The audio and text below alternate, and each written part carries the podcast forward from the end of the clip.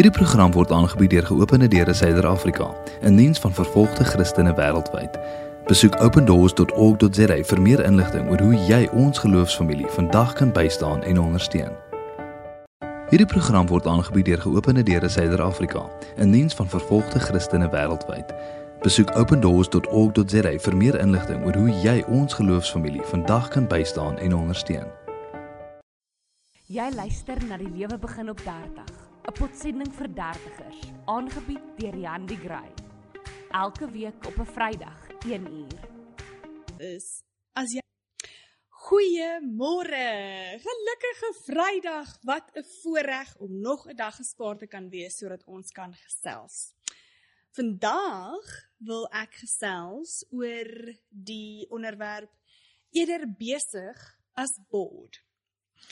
So die jaar het skaars begin en ek het al reeds nie genoeg vingers om te tel hoeveel keer mense vir my gesê het "Ag, oh, hulle is al klaar moeg." Of die jaar het so dol afgeskop of hulle terugkom van vakansie af and they just hit the ground running. En dan dink ek, hoekom is die wêreld so wreed en hoekom is dit so genadeloos? En iets wat ek ook na 'n paar keer gehoor het is mense wat sê ek weet ek sal nie altyd so kan aanhou nie.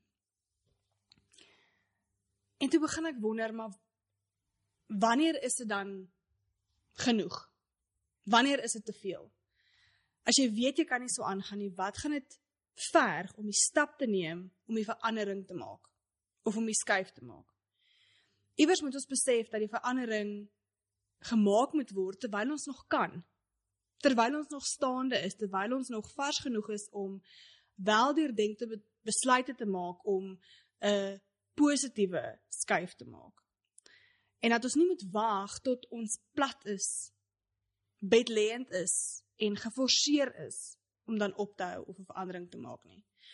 So my motto vir baie jare in my lewe was eerder besig as bored. En ek was vreeslik trots daarop want dit beteken ek werk lekker hard en ek het dinge wat my besig hou en ek sit nie net by die huis en doen niks nie. En eendag toe vra my sussie vir my, "Hoe gaan dit?" en ek sê vir haar, "Nee, gaan wild maar eerder besig as bored." En sy sê vir my, "Riandi, besef jy die duiwel is in besig wees?" En ek sê, "Hm?" En sy sê, "As jy besig is, dan het jy nie die tyd wat jy moet hê om aan die Here te spandeer nie. En dis ek sê nee man, dis nie wat ek bedoel nie. Ek bedoel net soos ek sal eerder heeltyd goed hê om te doen as wat ek by die huis sit en niks doen nie. Toe sê sy partykeer moet 'n mens by die huis sit en niks doen sodat jy by die Here kan uitkom. En Lukas 10 vers 38. Ag, oh, ek ek love hierdie stukkie. So, dit sê: Toe Jesus en sy disippels hulle reis na Jerusalem voorsit, het hulle in 'n dorpie gekom waar 'n vrou Martha hulle in haar huis verwelkom het.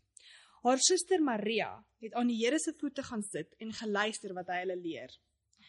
Maar Martha was bekommerd oor die groot ete wat sy besig was om voor te berei.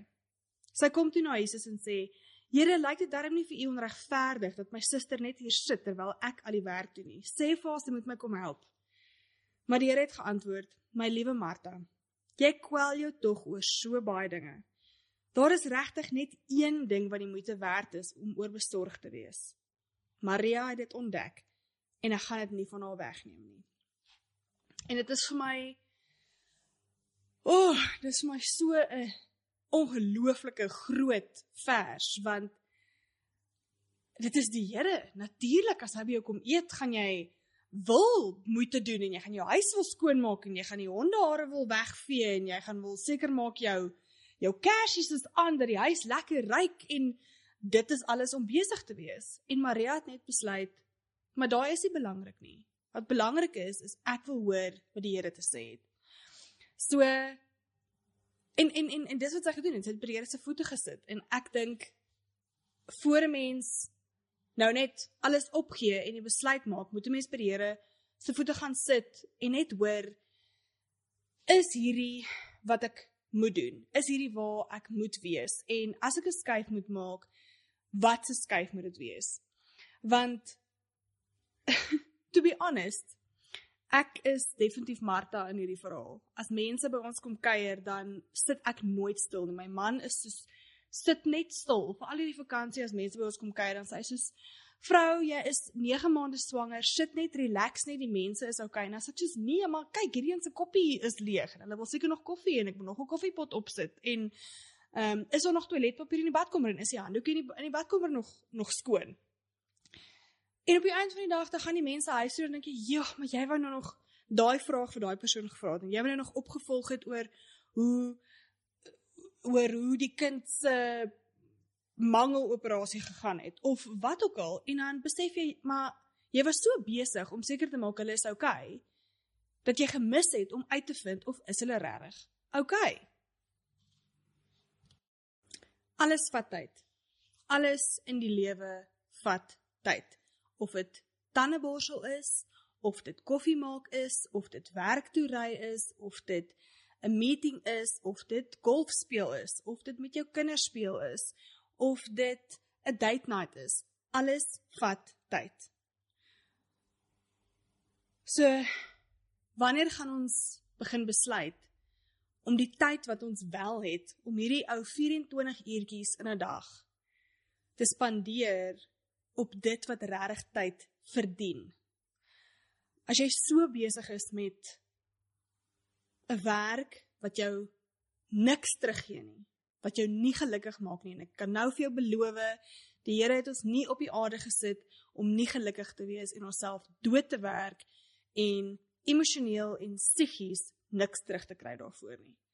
So wanneer gaan ons besluit ek maak 'n skuif sodat ek die tyd wat ek het reg kan aanwend en met mense kan spandeer en met my man kan spandeer en met my kinders spandeer en met my gesin kan spandeer. Dit is die dinge wat lasting is. Hulle gaan daar wees al is jou werk nie daar nie. Of jy moet seker maak hulle is daar al is jou werk nie daar nie. Moenie so fokus op die aardse materialistiese dinge en die wêreld in 2022 waar alles net 'n 'n drive-through is. Dit voel of die wêreld net 'n drive-through is. Alles is beskikbaar vir jou nou hier vinnig. Jy moet vinnig kos gaan koop, maar jy bestel dit so lank en dan stop jy by die drive-thru, jy kry 'n kos sodat jy op die pad kan ry en eet en nie eers die basiese goed mee geniet soos 'n lekker ete nie, want jy is te besig om te jaag na jou volgende afspraak toe. Die vraag is wat is jou vredestelers? Wat steel jou vrede? en tyd om jou vreugde weer te hernie. Partykeer is dit so eenvoudig soos om jou limite te erken en hulle te respekteer. So ek um, wil verskriklik graag die perfekte vrou wees en kan sê ek bak elke aand vir my man die verruklikste hoenderpastei met 10 disse aan die kant waaruit hy kan kies, maar dit is net nie wie ek is nie. I would love to be that, maar ek is net nie. Ek voel jy is of gebore om kos te maak of jy is nie. Ja, glo my my bucket list sluit in om 'n kookkursus te doen. Maar soos my man Dewald maak ongelooflike lekker kos en hy het net 'n aanvoeling vir wat werk en wat werk nie. So ek sal kos maak en dan sê ek soos ek dit werk net nie. Ek het soos alles bymekaar gesit wat ek dink dit werk en dan kom hy en dan proe hy en dan sê hy soos dan gooi hy een uh, ingredient by en dan werk die dis perfek. So hy is net aangelê om kos te maak en lekker kos te maak. En vir ons is nou Ooh, ek sien baie goed met hierdie goed. Nie maar 4 of 5 jaar getroud. En vir so lank is ek soos, maar ek wil, ek wil daai vrou hê wat lekker kos maak en hy moet van die werk af by die huis kom en die huis moet lekker ruik want ag, oh, sy vrou het nou weer al weer lekker kos gemaak. En dis ek soos ek moet nou net op 'n plek kom waar ek besef dit is nie wie ek is nie. Ek kan nie lekker kos maak al probeer ek hoe hard nie. I mean, hy gaan nie doodgaan van die honger nie en jy gaan dit kan eet, maar hy gaan nou nie vra vir seconds nie. So partykeer is dit die basiese goed soos herken jou limite en respekteer dit. Moenie ure en ure en ure spandeer op kookboeke en of of YouTube video's kyk as jy weet dit is nie regtig iets waarna jy belangstel.